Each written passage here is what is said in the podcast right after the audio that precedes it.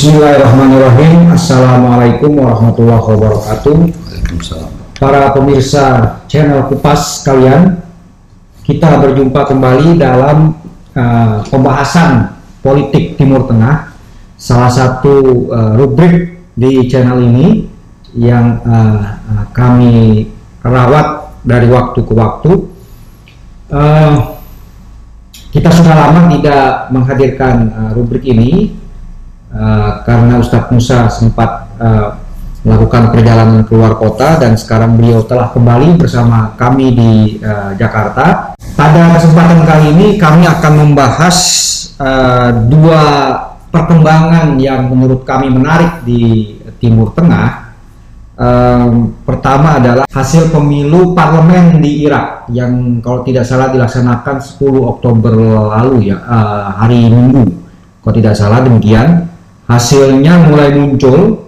Hasil uh, ya sementara. meski sudah cukup konklusif sebenarnya yang menunjukkan bahwa ulama yang cukup dikenal uh, uh, apa uh, uh, populis ya ini Mukhtar Sadar uh, bloknya itu memenangi pemilu kali ini dengan mendapatkan kalau tidak salah lebih dari 70 uh, kursi dari 300-an nah, kursi di parlemen 329. 329.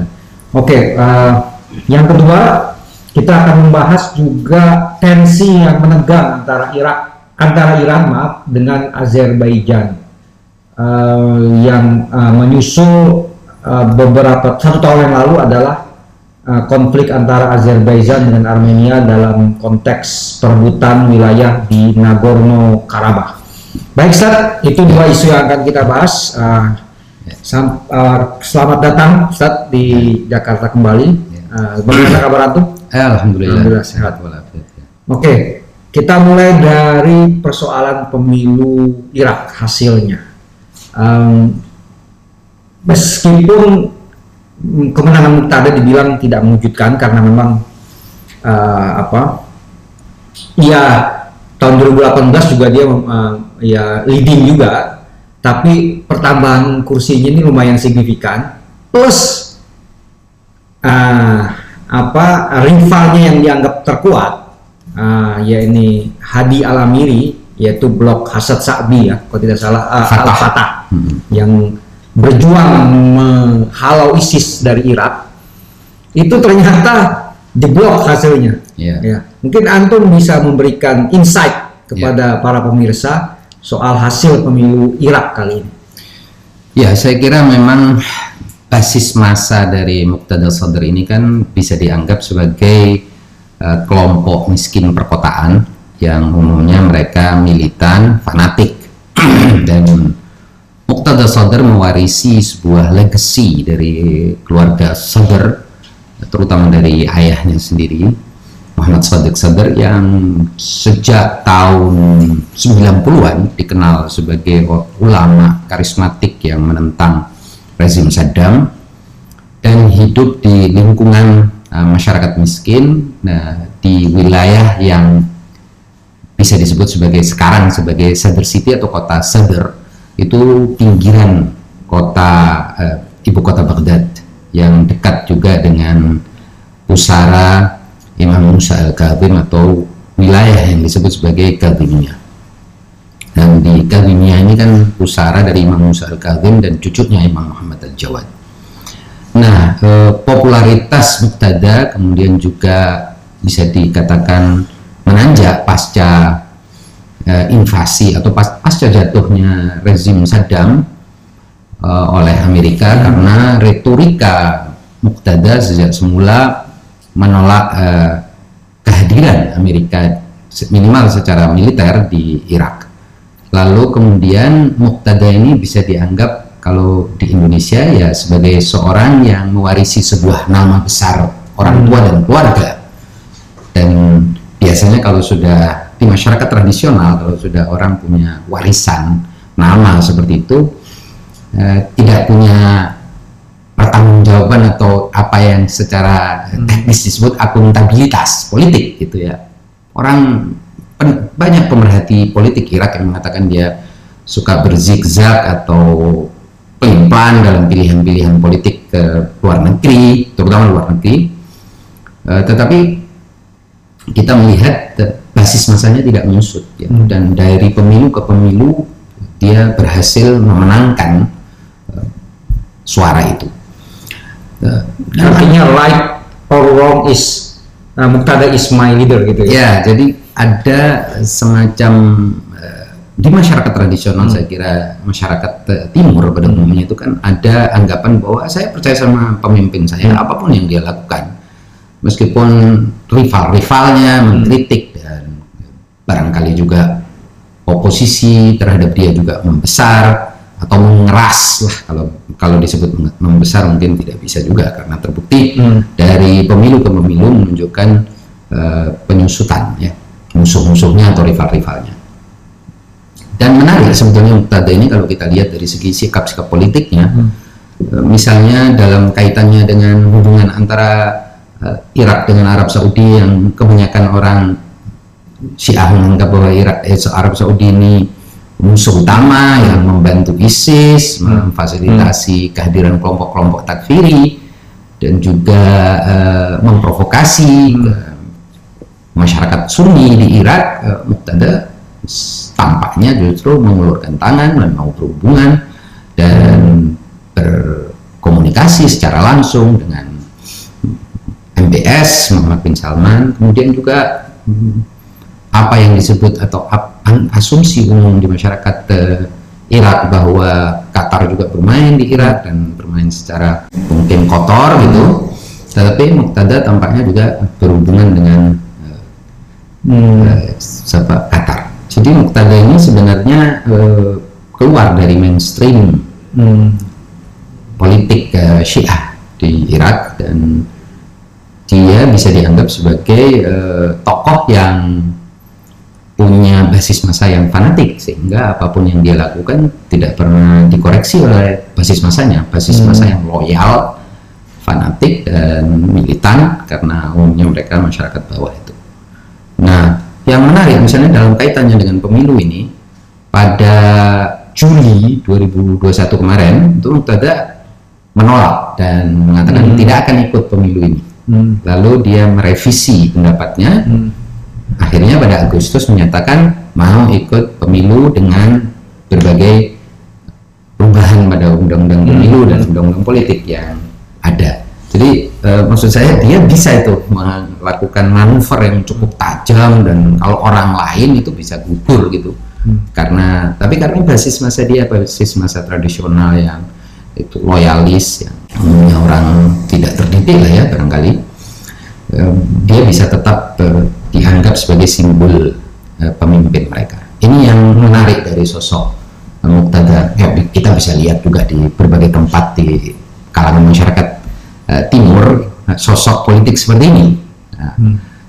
Di sisi lain kita melihat uh, Hadi Al Amiri yang tidak punya warisan hmm. orang tua, tidak punya keluarga, hmm. nama keluarga juga tidak punya, tetapi orang mengidentikan dia dengan perjuangan Hashad uh, Syabi hmm. dalam mengusir uh. Daesh atau ISIS di Irak.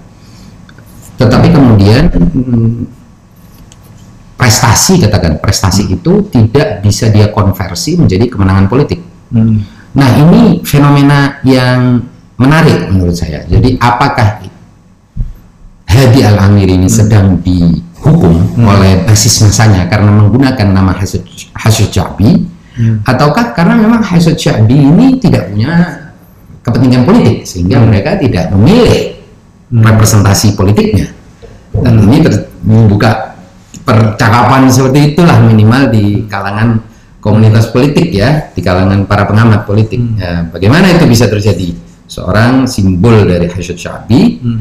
membangun partai politik, membentuk partai politik, tetapi tidak mendapatkan dukungan yang seluas Hashid Syabi sendiri. Kalau Hashid Syabi kan sangat luas ya, dukungan masyarakat. Hmm. Hasad Syabi dalam pemilu kali ini tidak mengaplikasikan diri dengan Al-Fatah. Tampaknya Secara begitu, hmm. karena kalau memang Hasyad Sya'bi itu benar-benar mendukung dan menganggap Fatah ini sebagai representasi representasinya tentu Fatah akan berhasil hmm. mendulang suara besar, tetapi kali ini kan justru merosot dibandingkan tahun 2018. Ya, Jadi ya. di 2018 mereka dapat sekitar 38 kursi, sekarang justru dapat 14 kursi. Artinya penyusutannya cukup tajam.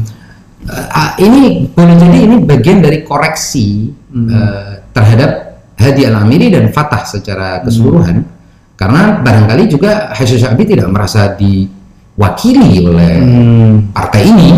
Meskipun di media-media barat itu disebut uh, gerakan atau partai yang terafiliasi dengan Hasan Sa'bi. Ya, Hadi Al Amiri adalah ketua umum Hasyim Syabi yang lama. Dan kemudian pada saat Hasyim Syabi melakukan kita bicara sejak tahun 2012, 13, 14 gitu ya. eh, dia adalah orang yang memimpin eh, gerakan militer itu, milisi eh, bukan milisi ya, paramiliter lah katakan ya.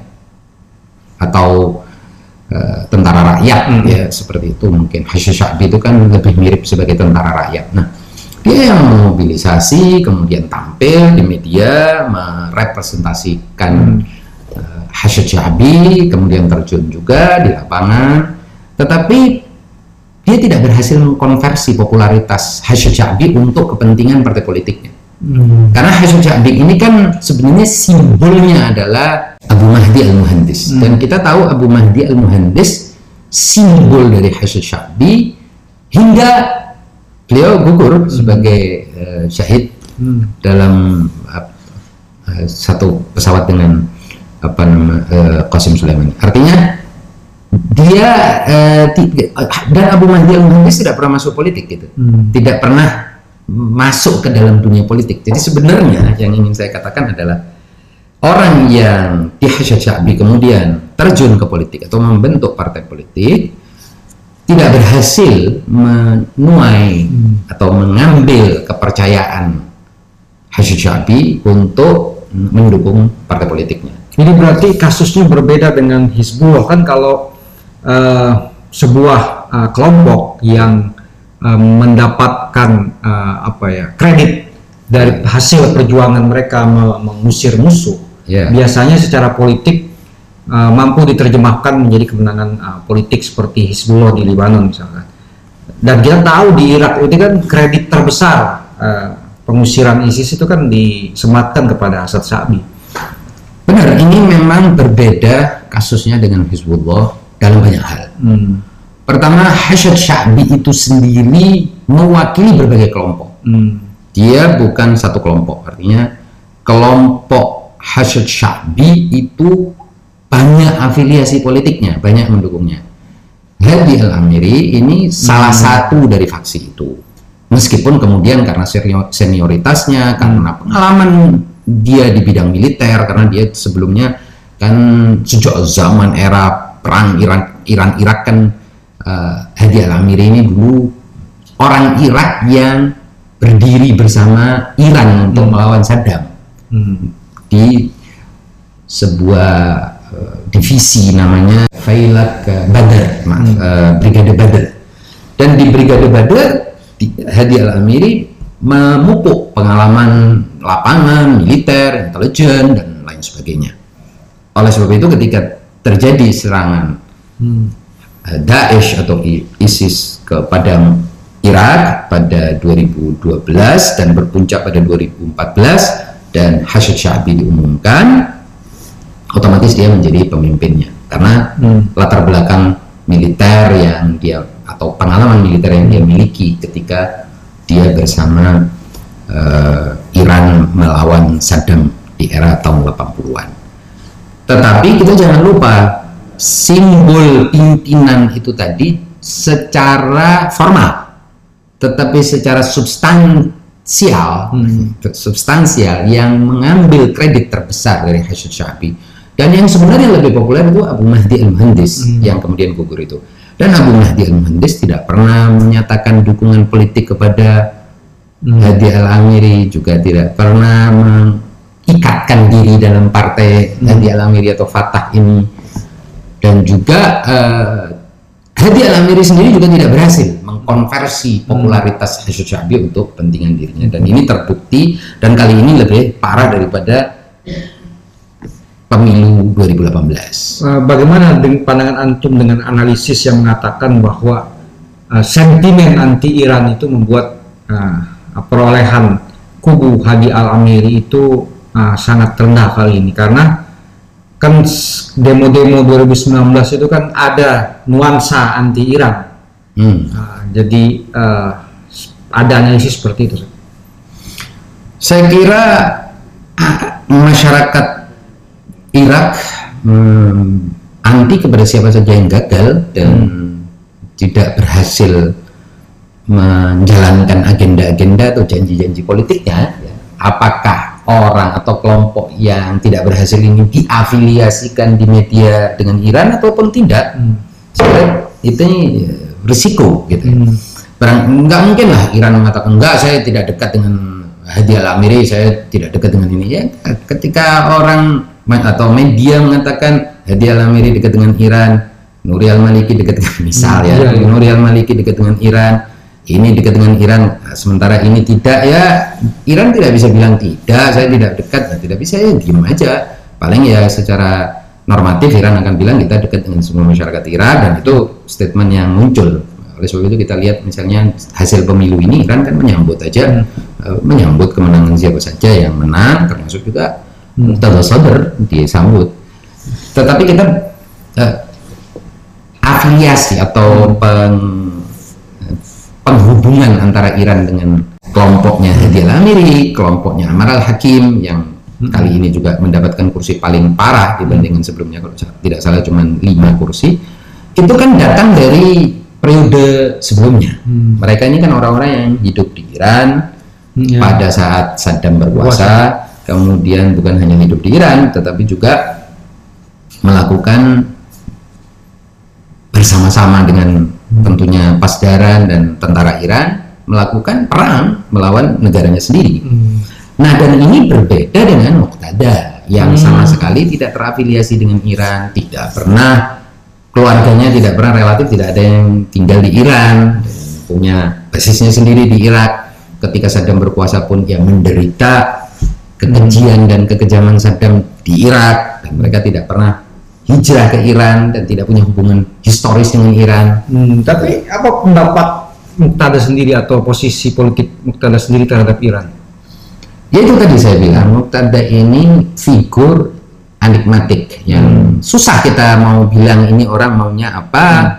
dan bahasanya sering kali tidak bisa jelas hmm. dan sebetulnya banyak juga pengamat yang mengatakan ya Muqtada ini seorang figur enigmatik yang kalau ngomong oh, tidak pernah ya tidak pernah jelas bahasanya juga tidak pernah clear ya hmm. apalagi dia kan ter, termasuk menurut saya tokoh politik yang nyaris komunikasi politiknya itu buruk ya hmm. kita susah memahami dan sampai ada joke di kalangan para pengamat hmm. politik Irak bahwa Muktada ini kalau memberikan wawancara itu ngomongnya seenaknya dan tidak tertib, tidak ada kejelasan ya bahasa Arabnya atau bahasa eh, Arabnya juga eh, sangat eh, awam ya, sangat apa kira-kira bahasa pasar lah gitu ya. Tidak menunjukkan dirinya itu elit, hmm. punya prestasi intelektual. Ini mirip-mirip sama beberapa figur yang kita kenal di Indonesia lah. Saya tidak perlu sebutkan namanya. Tapi karena itu tadi orang tuanya ini ya ulama besar yang berjuang melawan Saddam dan menderita karena itu sampai kemudian syahid. Hmm. Begitu juga dengan kakaknya seperti itu hmm. dan juga pamannya seperti banyak itu. dari keluarganya. Nah, banyak dari keluarganya yang tidak ke mana-mana, tetap di Irak menghadapi brutalitas rezim Saddam. Akhirnya dia mendapatkan simpati. Hmm. Yang lain yang hijrah ke Iran itu dianggap sebagai pro Iran atau hmm. anak buah Iran. Dan ini anak buah Iran ini belum tentu juga secara khusus dibantu oleh Iran. Wallahu alam kita nggak tahu. Tapi mereka ini secara politik di Irak mengalami kemunduran. Ini kalau kita lihat secara fenomena aja ya, secara kasat mata. Jadi ada kemunduran yang cukup serius uh, dari kelompok-kelompok yang diafiliasikan dengan Iran. Itu faktanya seperti itu. Hmm. Oke, okay, ada uh, kalau kita bicara politik uh, di Irak, khususnya uh, di kalangan Syiah itu mau tidak mau meskipun ini berbeda dengan Iran karena di Iran kan uh, salah satu marja taklidnya adalah uh, apa pemimpin politik. Ya. Nah, tapi di Irak ini ada satu figur besar, uh, salah satu marja taklid, marjanya yang meskipun tidak berpolitik tapi uh, menjadi uh, semacam apa ya, semacam vokal point dari berbagai perbedaan yang uh, ada di Irak, Ya, terutama ini- di kalangan Syiah. Nah ini, eh, jadi judul kita ini kan Syiah versus Syiah. Hmm. Jadi rivalitas kelompok-kelompok Syiah di Irak secara politik itu menunjukkan bahwa memang pilihan politik masyarakat Syiah Irak itu tidak monolitik, tidak satu blok, jelas kalau itu. Eh, bloknya sangat banyak dan kemudian dalam pemilu 2021 ini makin mempertegas bahwa mereka terpecah-pecah secara politik. Tetapi kemudian kita bisa melihat sosok seorang seperti Ayatullah Said Ali Sistani ini tetap sentral. Hmm. Jadi mentransendensikan dirinya, mampu men- me- mengatasi rivalitas politik, faksi-faksi politik Syiah dan tetap menjadi figur sentral dan tidak ada orang yang bisa menggugat sentralitas figur ini. Tidak ada yang bisa menggugat otoritasnya, tidak ada yang bisa menggugat eh, di bawahnya, tidak ada yang bisa menggugat pendapat-pendapatnya, sikapnya. Nah, bagaimana dia bisa menempatkan itu? Saya kira itu karena tradisi ulama Syiah sejak ribuan tahun juga tradisi Ahlul Bait secara keseluruhan itu memang berbicara pada tingkat politik adiluhum, artinya high politik, selalu politik yang bersifat umum. Jadi bukan politik praktis yang elektoral, yang partisan, yang eh, komunal, yang sepihak gitu. Saya kira itu tradisi Ahlul Bait dan tradisi ulama Syiah se- sejak ribuan tahun. Dan Ayatullah Said Ali Sistani mampu menjadikan dirinya itu sebagai vokal point tadi. Jadi semua orang merujuk kepada dia dan meminjam namanya dan memakai namanya untuk kepentingan politiknya. Termasuk Muqtada. Eh, termasuk Muktada dari sisi bahwa Muktada itu tidak akan pernah berhadapan Berhadapan langsung dengan- Nah, meski media berusaha untuk membenturkan, ya, Mukta- Muktada juga tahu diri bahwa Hmm. ini bukan sesuatu yang hmm, tepat Hmm. gitu. Muktada mewarisi ya orang tua yang besar karismatik, juga. ulama besar juga. Tetapi hari ini, saat ini untuk Irak yang seperti ini, dia tidak punya power untuk berhadapan-hadapan dengan Ah, Sistani sama sekali bu- eh, tidak pada tempatnya dan dia tahu diri dan saya kira tidak pernah dia secara khusus melanggar aturan atau perintah malah sering kali justru mengatakan bahwa dia mengikuti marjaiyah. Istilahnya kan itu marjaiyah syiah atau marjaiyah iraqiyah atau otoritas agama Irak. Di situ dia tidak pernah eh, bermanuver gitu. Jadi kalau saya boleh menggambarkan meskipun dengan segala macam perbedaannya tentu para penggemar Gus Dur pasti akan me- mengetahui perbedaan antara sosok eh, Muqtada dengan Gus Dur. Tapi seperti itu kan Gus Dur tidak pernah itu melawan eh, titah eh, Kiai Khos misalnya. Selalu kan itu. Jadi mampu memainkan itu juga. gitu. Hmm. Jadi dia juga mampu memainkan. Dia tahu lah bahwa sosok uh, Ayatullah Sistani, Said Ali Sistani ini jauh lebih besar daripada urusan politik saat dan dia tidak bisa mengatakan bahwa oh kali ini saya mau lawan. Nah, kenapa? Karena Muqtada itu dari segi otoritas keagamaan masih jauh di bawah level itu. Dia belum mustahil. Apa sudah? Ya belum, lah. Belum. Dan mustahil itu kan masih masih panjang ceritanya untuk jadi marja. Hmm. Jadi setelah mustahil pun masih perjalanannya panjang untuk jadi marja. Tidak semua mustahil terus kemudian bisa jadi marja terlalu eh, sang kalau mustahil itu kan jumlahnya ribuan, memang marja kan bisa dihitung jari. Apalagi ini marja a'la, artinya marja pun nggak nggak sebesar itu ayat Ali Sistani di Irak ada beberapa marja kita kenal misalnya ada Bashir Najafi ada yang baru saja eh, meninggal eh, Abdul eh, Abdul Sa'id, eh, Sa'id ya Al Hakim ada beberapa yang lain Fayyad dan beberapa lain yang menyatakan dirinya marja. Hmm, kalau nggak salah juga sekarang orang seperti Syekh Muhammad Sanad juga mengatakan dirinya marja.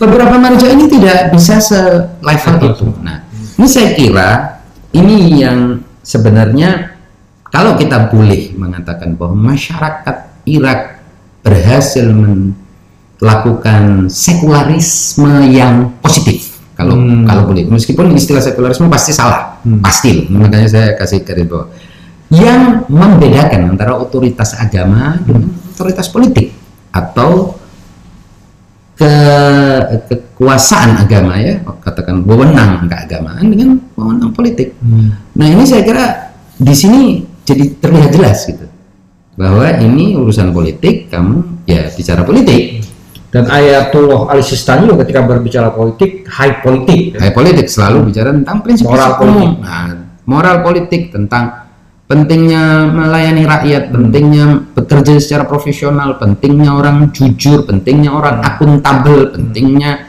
pejabat itu tidak dipilih berulang-ulang hanya karena afiliasi madhab. Ini diingatkan oleh Ayatullah Ali Sistani, jangan memilih orang karena madhabnya, jangan memilih orang karena money politics, jangan memilih orang yang sudah jelas sebelumnya gagal.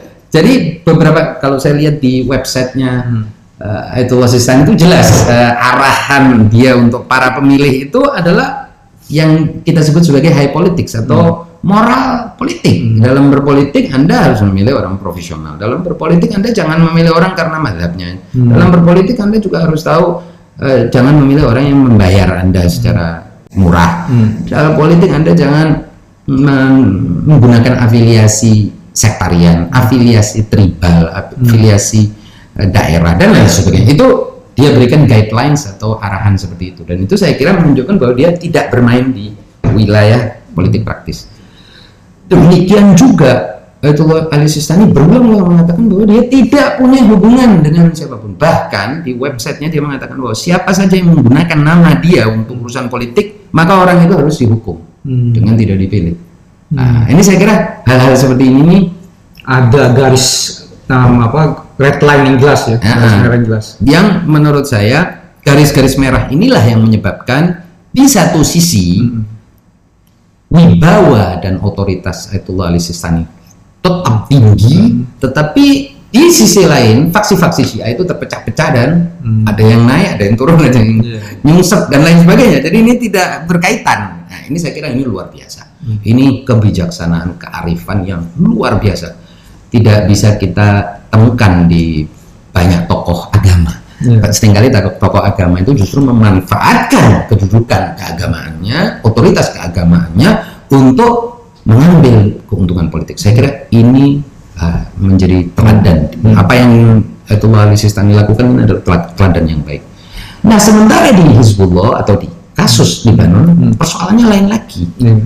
Pertama tidak ada Ayatullah Ali Sistaninya. Jadi Ayatullah Ali Sistaninya itu terkerucut ke dalam sosok seorang se- eh, yang bernama Said Hasan Nasrullah yang dia sekaligus juga ketua partai politik. Jadi di sini masyarakat Syiah di Libanon jadi ter Lebih solid. lebih solid.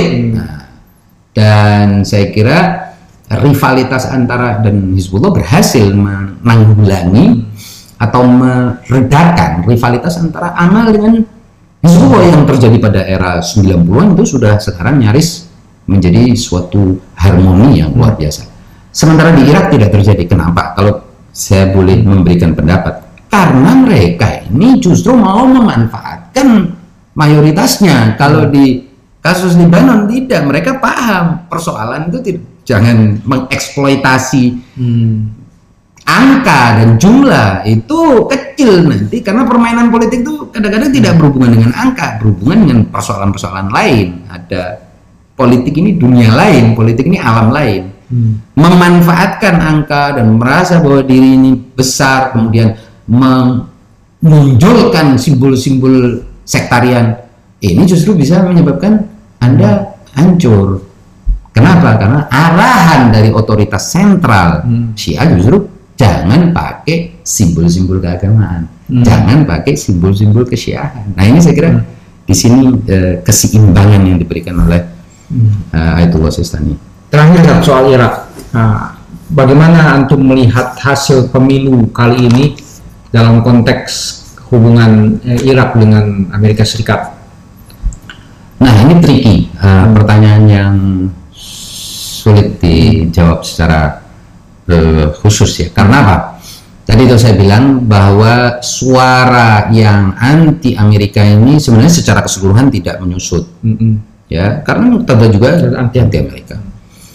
Tetapi kan persoalannya bagaimana meng- jadi dari retorika, kan ini kita bicara politik, Pak. Dari retorika kemudian dijadikan sebagai kebijakan dan kebijakan itu dilaks- dijadikan sebagai tata laksana, ini sudah panjang, bukan cuman retorika. Anda menurunkan retorika itu ke dalam kebijakan, kemudian dari kebijakan itu jadi sebuah pelaksanaan, juknis juk apa juklaknya bagaimana? Dev- devil is in the detail. Nah, ini yang saya khawatir putar-putar di sini ini bisa eh, muter. Nah, Masuk angin, masuk angin. masuk angin. Ya, dan ini berbeda pak dengan ketika uh, Ayatullah Sistani langsung turun untuk melawan ISIS itu langsung efeknya kelihatan. ISIS itu jadi lemah. Nah, mengapa Ayatullah Sistani tidak langsung mem- menurunkan retorika anti Amerika sampai menjadi sebuah katakanlah instruksi yang jelas? Oh, itu pertimbangannya macam-macam. Hmm. Ya, karena masyarakatnya sendiri nggak siap, karena pemerintahannya nggak siap, karena kalau Amerika melakukan oh, suatu aksi tertentu di Irak bisa jadi masyarakat yang jadi korban secara keseluruhan. Karena kita tahu juga kelihatannya kalau dari hasil pemilu sekarang ini kan eh, misalnya kelompok Kurdi juga bersatu, ya kan ada kelompok Syiah yang pro Amerika juga menyat me- meng- merger dengan kelompok yang katanya pro Iran seperti Ammar al Hakim ini. Eh, Ammar al Hakim yang dianggap sebagai pro Iran sekarang merger dengan eh, Haidar Abadi. Haidar Abadi yang sebelumnya Sempat adalah jadi perdana menteri. sempat per- jadi perdana menteri dianggap sebagai pro Amerika atau minimal pro Inggris. Makanya banyak yang bilang bahwa pemilu kali ini adalah hasil otak atik dari Inggris, dari intelijen Inggris ketimbang permainan Amerika di Irak. Hmm. Jadi di sini kelihatan sekali uh, tangan Inggris yang bermain karena Inggris ini kan halus kalau mi- memecah belah Hmm. dan sudah pengalaman lama sebagai imperium ya. Hmm. Uh, apalagi urusan Timur Tengah dan Irak secara khusus itu dia bisa uh, bisa mengkontaminasi lebih daripada Amerika kalau Amerika mungkin cenderung lebih cowboy kalau Inggris kan bisa lebih diplomasi dan tampaknya ini yang terjadi ini scattering of Shia political voice ini atau tercecernya suara Syiah kali ini ini hasil otak atik atau hasil ramuan Inggris ada yang berpendapat seperti itu dan saya kira itu absah juga gitu. Ya. Baik, saat kita masuk ke persoalan Iran versus Azerbaijan. ya Eh, kita tahu sepekan terakhir ada ketegangan di perbatasan Iran dan Azerbaijan. Iran menggelar eh, latihan eh, perang hmm. dan uh, sebelumnya Azerbaijan juga melontarkan retorika-retorika yang uh, men- menyerang terhadap Iran, termasuk juga penutupan masjid-masjid yang terafiliasi dengan uh, Ayatullah uh, Ali Khamenei, ya kalau saya tidak salah. Nah, ini yang menarik juga, Iran dan Azerbaijan itu pertama hmm. kan uh, Azerbaijan dulunya itu adalah wilayah uh, Imperium Persia. Ya dan sekarang juga sebagian uh, warga Iran. Mayoritas.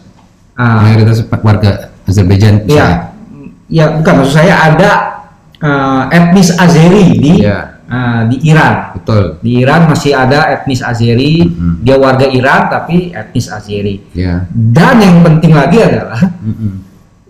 Kedua negeri ini mayoritas penduduknya semazhab ya Hmm. betul Tapi lagi-lagi seperti halnya di Irak, ada kenyataan yang uh, ki- tampak di hadapan kita adalah bahwa semazhab pun belum tentu uh, satu kubu satu uh, apa tim gitu kan, Satu bahkan berkonflik gitu kan, bahkan tegang.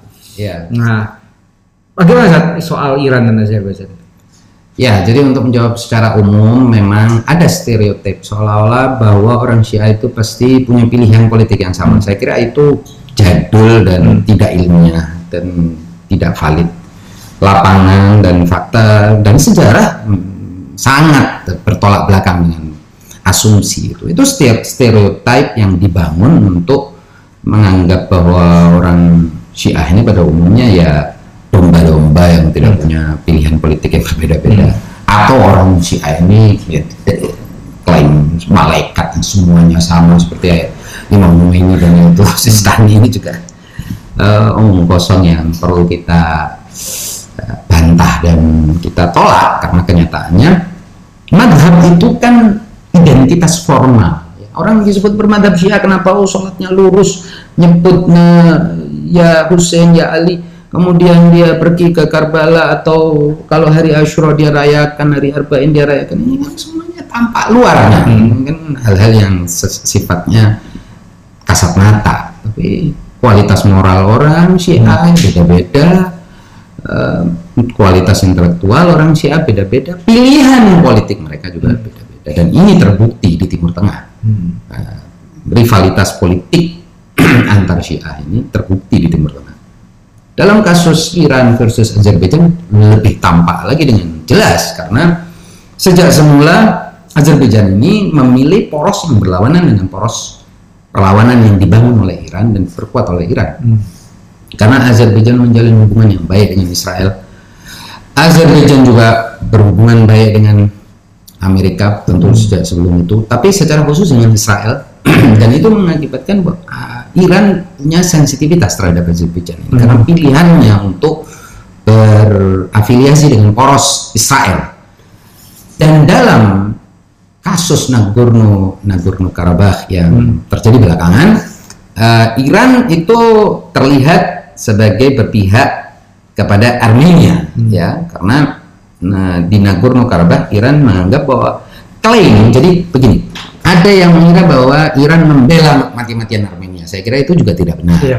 yang benar adalah Iran tidak ingin Azerbaijan itu menduduki atau merebut kembali eh, Nagorno Karabakh dengan militer. Hmm. Tapi kemudian karena sudah menang, artinya tahun 2020 kemarin menang. Nagorno Karabakh berhasil dicaplok kembali atau duduki oleh militer Azerbaijan, ya klaim itu secara de facto menjadi tidak berfungsi. Hmm. Jadi ibaratnya ada sengketa tanah, terus kemudian ada penguasaan fisik. Ya Sudah, yang menguasai fisik ini kemudian punya eh, kekuatan yang berbeda. Iran kemudian ya sudahlah mengakui aja gitu ya Hmm. eh, kemenangan itu. Tapi karena Iran dulu tidak mendukung pilihan militer Azerbaijan, Azerbaijan dan Iran ini sebetulnya sejak dulu sudah tegang, hubungannya tidak eh, bagus. Justru Iran sama Armenia yang jadi bagus karena Armenia menginginkan negosiasi, minimal dapat sekian, minimal dapat sekian kan gitu. Hmm. Tapi karena Armenia sekarang ini kalah dalam perebutan militer eh, terhadap eh, Nagorno Karabakh, akhirnya sekarang Armenia juga tidak perlu lagi dukungan Iran. Jadi Iran ini sebenarnya ditinggalkan oleh temannya sendiri juga Armenia. Artinya Armenia bukan lagi tidak bersahabat, bersahabat, tapi sudah tidak eh, tidak memerlukan Iran lagi dari segi apa? Kan sebenarnya selama ini Armenia itu mm, mendapatkan supply dari Iran ya, mulai dari common commodities ya, komoditas Umum apa umum biasa ataupun eh, minyak. minyak dan gas, migasnya. Dan itu menyebabkan sekarang susah eh, transportasi dari Iran ke Armenia. Kalau tidak salah awal dari pemicu hmm. ketegangan belakangan ini antara Iran dengan Azerbaijan adalah karena truk-truk Iran itu di stop Hmm. dan supirnya ditahan, disekap, disandra oleh Azerbaijan. Hmm. Dan itu kalau tidak salah Juli kejadiannya Juli atau Agustus atau akhir Juli atau awal Agustus saya lupa persisnya. Itu yang mengakibatkan kemudian Iran Hmm. protes Reaksi. keras, bereaksi keras dan melontarkan retorika yang cukup eh, tajam terhadap Azerbaijan dan jangan bermain-main lah kurang lebih begitu. Itu yang kedua. Jadi sebab pertama tentu karena Azerbaijan punya hubungan dekat dengan Israel Hmm. dan dalam perebutan militer yang terjadi antara Armenia dengan Azerbaijan, Azerbaijan itu menggunakan peralatan tempur Israel, bahkan menggunakan drone-drone kamikaze yang milik Israel itu, drone kamikaze. Eh, intelijen Israel juga membantu Jadi Azerbaijan. semacam pos terluar Israel. Nah itu yang, yang paling dekat dengan Iran. Nah itu yang menyebabkan Iran kemudian eh, sensitif dengan Azerbaijan. Hmm. Di samping juga Azerbaijan juga nggak suka sama Iran dari sejak awal karena tidak mendukung Azerbaijan untuk merebut Secara kembali penuh. secara militer, Oh, secara militer. Oh. Tidak mendukung Hmm. per- Upaya Azerbaijan upaya Azerbaijan alih. untuk mengambil alih Nagorno, Nagorno Karabakh secara militer. Hmm. Sementara Iran bukan mengatakan bahwa klaim Armenia itu sah, enggak juga. Tapi mau diselesaikan dengan negosiasi. dengan negosiasi, dengan politik dan sebagainya. Nah, ini sudah menimbulkan ketidaksukaan Azerbaijan. Ditambah lagi 2020 Azerbaijan melakukan perebutan Ofensif. ofensi militer dan berhasil menduduki. Ya. Azerbaijan sekarang merasa tidak perlu lagi dengan eh, Iran, tidak perlu Makin lagi. dekat sama saya. makin dekat dengan Israel karena yang membantu Israel kan gitu. Nah, sensitivitas Iran makin Tinggi. tinggi lagi. Ditambah lagi kasus penyekapan dan penyanderaan sejumlah Supir-supir truk yang mengangkut barang dari Iran ke Armenia. Hmm. Nah, ditambah lagi pada awal eh, ini sekarang September ya, awal bulan lalu. Eh enggak, ini sekarang Oktober. Awal bulan September itu ada latihan militer antara Azerbaijan, Israel dengan Turki di Baku. Kalau tidak salah juga dengan Pakistan ya. Kalau nggak salah Pakistan juga ikut di situ. Eh ya. Jadi sudah ada uh, lebih dulu latihan militer uh, Nah, Azerbaijan dengan Israel. Nah, itulah yang mengakibatkan sekarang Iran melakukan eh, latihan militer dan manuver militer cukup eh, serius dan mungkin terbesar di wilayah perbatasan antara Iran dengan Azerbaijan. Nah, saya kira ini eh, menunjukkan bahwa eskalasi meningkat, ya tensi meningkat. Nah, kita Tapi kalau untuk sampai perang belum tentu ya. Nah, saya kecil mungkin. saya kira kita yang saya khawatir itu sebenarnya tangan Israel dalam kasus ini karena Israel kan berharap Iran itu dilumpuhkan dengan berbagai perang ya. Perang di perbatasan sini perang di perbatasan sana. Eh, dan ada juga Kurdistan beberapa waktu yang lalu. Iran diserang oleh milisi Kurdistan meskipun berhasil dilumpuhkan. Tapi kan kalau di perbatasannya tidak aman yang selama ini Azerbaijan dengan Iran ini aman-aman saja kemudian sekarang Azerbaijan menjadi ancaman ini kan tentu sesuatu yang serius buat Iran tidak bisa dianggap remeh. Dan eh, kita perlu melihat apakah Azerbaijan itu cukup hmm, bodoh untuk bisa digiring sampai kepada peperangan dengan Iran. Padahal Azerbaijan bisa dikatakan sudah mendapatkan klaimnya, ya, Nagorno Karabakh sudah berhasil dia kuasai. Tentu dari sisi kepentingan domestik dan nasional Azerbaijan tidak punya kepentingan untuk berperang dengan Iran. Tapi barangkali kan elitnya punya pikiran lain.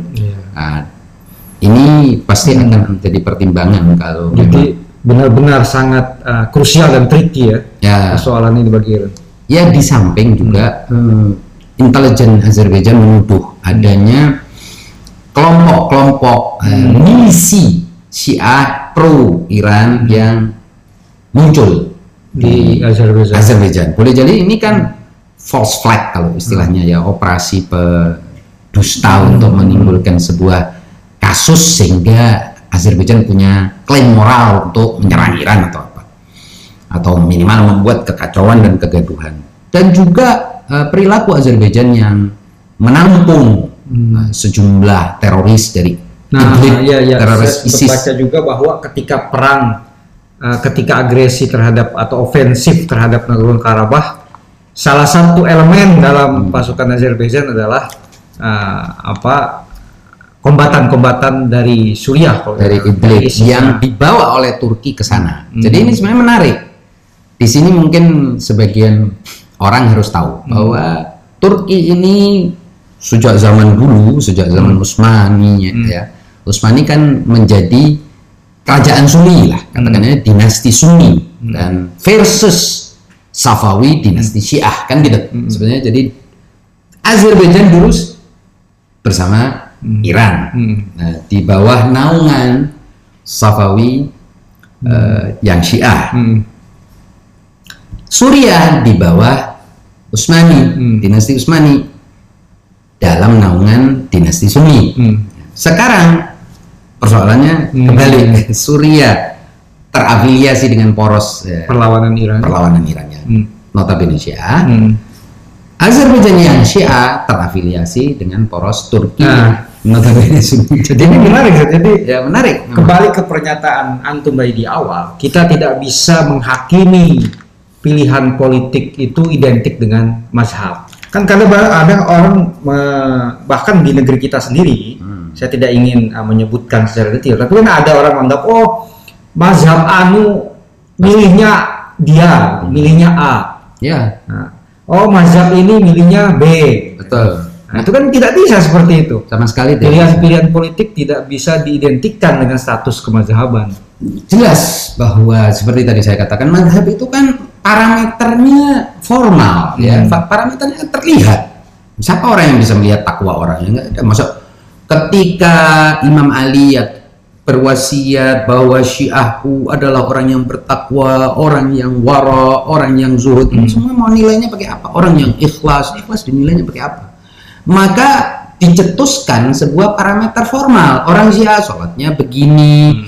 Nah, baca sholawat setelah ini pakai turban Hmm. kesyiahan itu diformalisasi. Hakikatnya orang ini bisa jadi hatinya Yazid wallahu alam. Kita nggak tahu dan terbukti yang teriak-teriak ya Husain kebanyakan juga orang yang akhirnya membunuh Imam Husain sendiri seperti kata Hmm. eh, seperti kata Murtada Mutahari di dalam bukunya tentang Ashura artinya kita memang mau tidak mau punya parameter formal Hmm. tetapi parameter formal tidak bisa kemudian digeneralisasi menjadi pilihan politik orang, menjadi kualitas poli- moral Moral. orang, kualitas intelektual orang. M- Karena dia Syiah, maka pasti dia ngerti filsafat, logis, rasional. Siapa bilang terlalu banyak orang Syiah yang juga tahayul misalnya. Hmm. Karena dia Wahabi, pasti dia membenci ahlul bait. Siapa bilang? Ju- nggak seperti itu juga. Karena dia ini tinggal di Saudi, pasti dia cinta sama Muhammad bin Salman. Ya, Karena warga negara Saudi juga banyak yang Jadi, oposisi. Jadi ada- tidak boleh ada ya. Suatu pengidentikan antara yang terlihat dengan pilihan-pilihan yang tidak bisa terlihat. Hmm.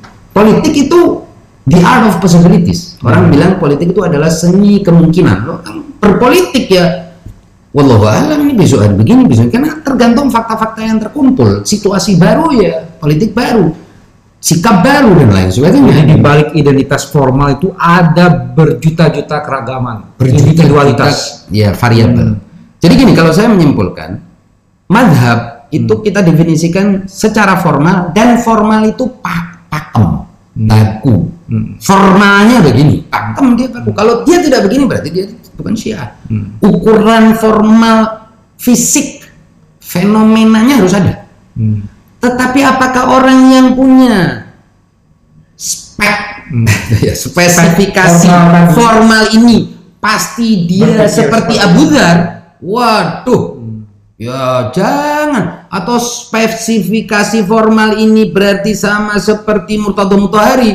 Wah ampun lah ya tidak lah pasti itu enggak.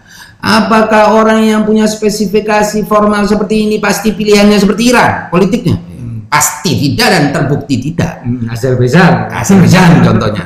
Kemudian spesifikasi ini adalah madhab Sunni, bahkan mungkin madhab Sunni yang keras seperti Hamas. Sujudnya begini, nggak pakai kunut. Ini spesifikasi formal nih. Formal madhabnya begini. Apakah dia pasti Zionis? Waduh, ya jangan dong. Hmm. Ya enggak buktinya dia melawan, dia berkorban, dia. Jadi tidak boleh ada penyatuan seperti itu dan itu pengkhianatan terhadap madhab di satu sisi, Hmm. terus ke- kedoliman terhadap orang Betul. juga, peng- penghakiman terhadap orang juga ya tidak adil. Pada akhirnya orang yang- melakukan Ya, ya. seperti itu Tidak. melakukan ketidakadilan. Jadi Itulah pentingnya kita memahami eh, apa bergaul, memahami satu demi satu ya, tidak melihat dari jauh. dan juga melihat adanya detail Iya. individu-individu yang berbeda, individualitas dan juga melihat secara lebih menyeluruh masalah gitu ya. Tidak boleh melakukan generalisasi dari Hmm. awal. Misalnya kita bilang etnik A berat orang etnik Ya, A ini ya. kasar, oh suka cewek, Hmm. suka kawin. ya semua. ini generalisasi ini kita sering temukan. Karena kita kebiasaan orang yang malas. Lebih enak menghakimi, Ya dan kebiasaan orang yang malas untuk menyelidiki lebih jauh. Iya, iya. Jadi ada ada joke lah ya lelucon misalnya di, di kalangan orang-orang Hadromut atau hmm. Hadharim itu e, bangsa yang seperti ini ini orangnya yang seperti ini atau yang namanya bangsanya ini biasanya begini ini penghakiman terhadap orang hmm. orang ini bang, dapat bangsa tidak pakai pilihan yes. sementara moral itu dipilih ah. moral itu dididik dibina moralnya orang ini di pilihan yang uh, ada momentumnya ya kan kadang-kadang ada momentumnya ya, dalam kadang situasi kepentingan-kepentingan tertentu dia harus memilih kan iya. memilih si A atau B ya, moral orang juga dididik pak ya. nggak nggak Pak Irman nggak bisa moral itu langsung orang karena misalnya nih hmm. A yang sangat baik mulia dan sebagainya di suatu fase kehidupannya berkumpul dengan B yang bejat hmm. kemudian kita bilang ini A ini bejat gara-gara B atau B ini mulia gara-gara A bisa karena dia tiba-tiba eh, berada dalam satu fase kehidupannya yeah. harus bergandengan. Ya boleh jadi dia bergandengan karena tempat hidupnya tinggalnya sama yeah. atau dia kebetulan uh, terhubung dengan kampus yang sama atau kerja yang sama. Ya, jadi saya kira itu tidak boleh. Bahkan mungkin pilihan politik juga terkait misalkan dengan wah kalau saya nggak milih dia saya nggak bisa makan nggak bisa. Ya, sangat sangat sekuler gitu kan? Hmm. tidak terkait dengan kemazhaban sangat duniawi lah. Sementara kemazhaban kan keyakinan. Hmm. dan ini saya kira juga suatu yang penting untuk kita tekankan bahwa madhab bukan ideologi. Hmm. madhab bukan partai hmm. politik. Madhab bukan praktek akhlak. Bukan. Hmm. madhab adalah serangkaian madhab sebagai yang kita kenal sekarang serangkaian pandangan keagamaan yang bisa dilihat formalnya gitu. Tentu ada keyakinannya tapi keyakinan nggak bisa diukur. Hmm. kepercayaan kepada Allah tauhid madhab ini tauhid madhab ini tauhid. Tapi tauhid ini gimana ya? Hmm. nggak tahu orang bertauhid atau syirik kita nggak tahu. Bahkan kalau kita rujuk kepada Al-Quran Al-Quran secara tegas mengatakan tidak beriman sebagian besar orang kecuali mereka musyrik. Wa ma yu'minu aktsaruhum illa wa hum musyrikun dan tidak beriman sebagian besar mereka kecuali mereka syirik. Ini bayangkan ini pernyataan sangat keras dari Al-Qur'an. Artinya Allah ingin mengatakan apa?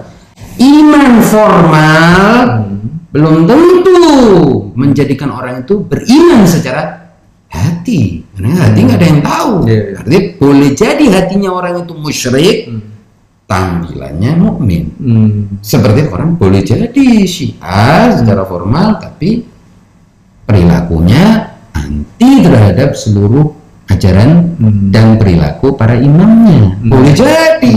Hmm. Sangat boleh jadi. Nah, itulah mengapa kita bisa haki, bisa simpulkan Islam KTP, ada juga Syiah KTP, ada juga mungkin Wahabi KTP. Wahabi hmm. KTP artinya sebenarnya dia tidak ada pilihan lain ya, hmm. karena dia hmm. itu di situ mau apa lagi ya jadi Wahabi.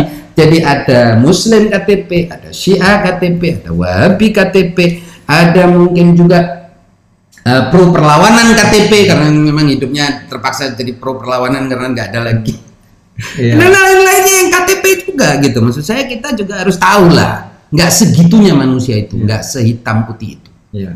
nah kira gitu menarik Sat. Nah, ya. terima kasih atas penjelasannya uh, ya. tadi dari peristiwa-peristiwa uh, yang empirik hmm. kejadian-kejadian yang empirik kita bisa mengambil satu uh, apa kesimpulan yang uh, besar bahwa ya. kita tidak bisa melihat pilihan-pilihan politik sebagian orang, pilihan-pilihan moral sebagian orang itu uh, sebagai ciri khas sekelompok orang yang bermazhab sama gitu. Ya beragama juga. Beragama sama, beretnis sama. Beretnis sama.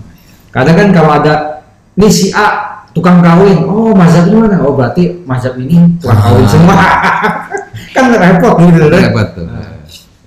Uh, demikian pemirsa sekalian uh, pembahasan kami uh, tentang uh, tadi dua hal itu yaitu uh, apa penghasil pemilu di Irak dan juga uh, suasana tegang antara uh, Iran dan Azerbaijan. Uh, kurang lebihnya kami mohon maaf. Bila topik walidaya. Wassalamualaikum warahmatullahi wabarakatuh.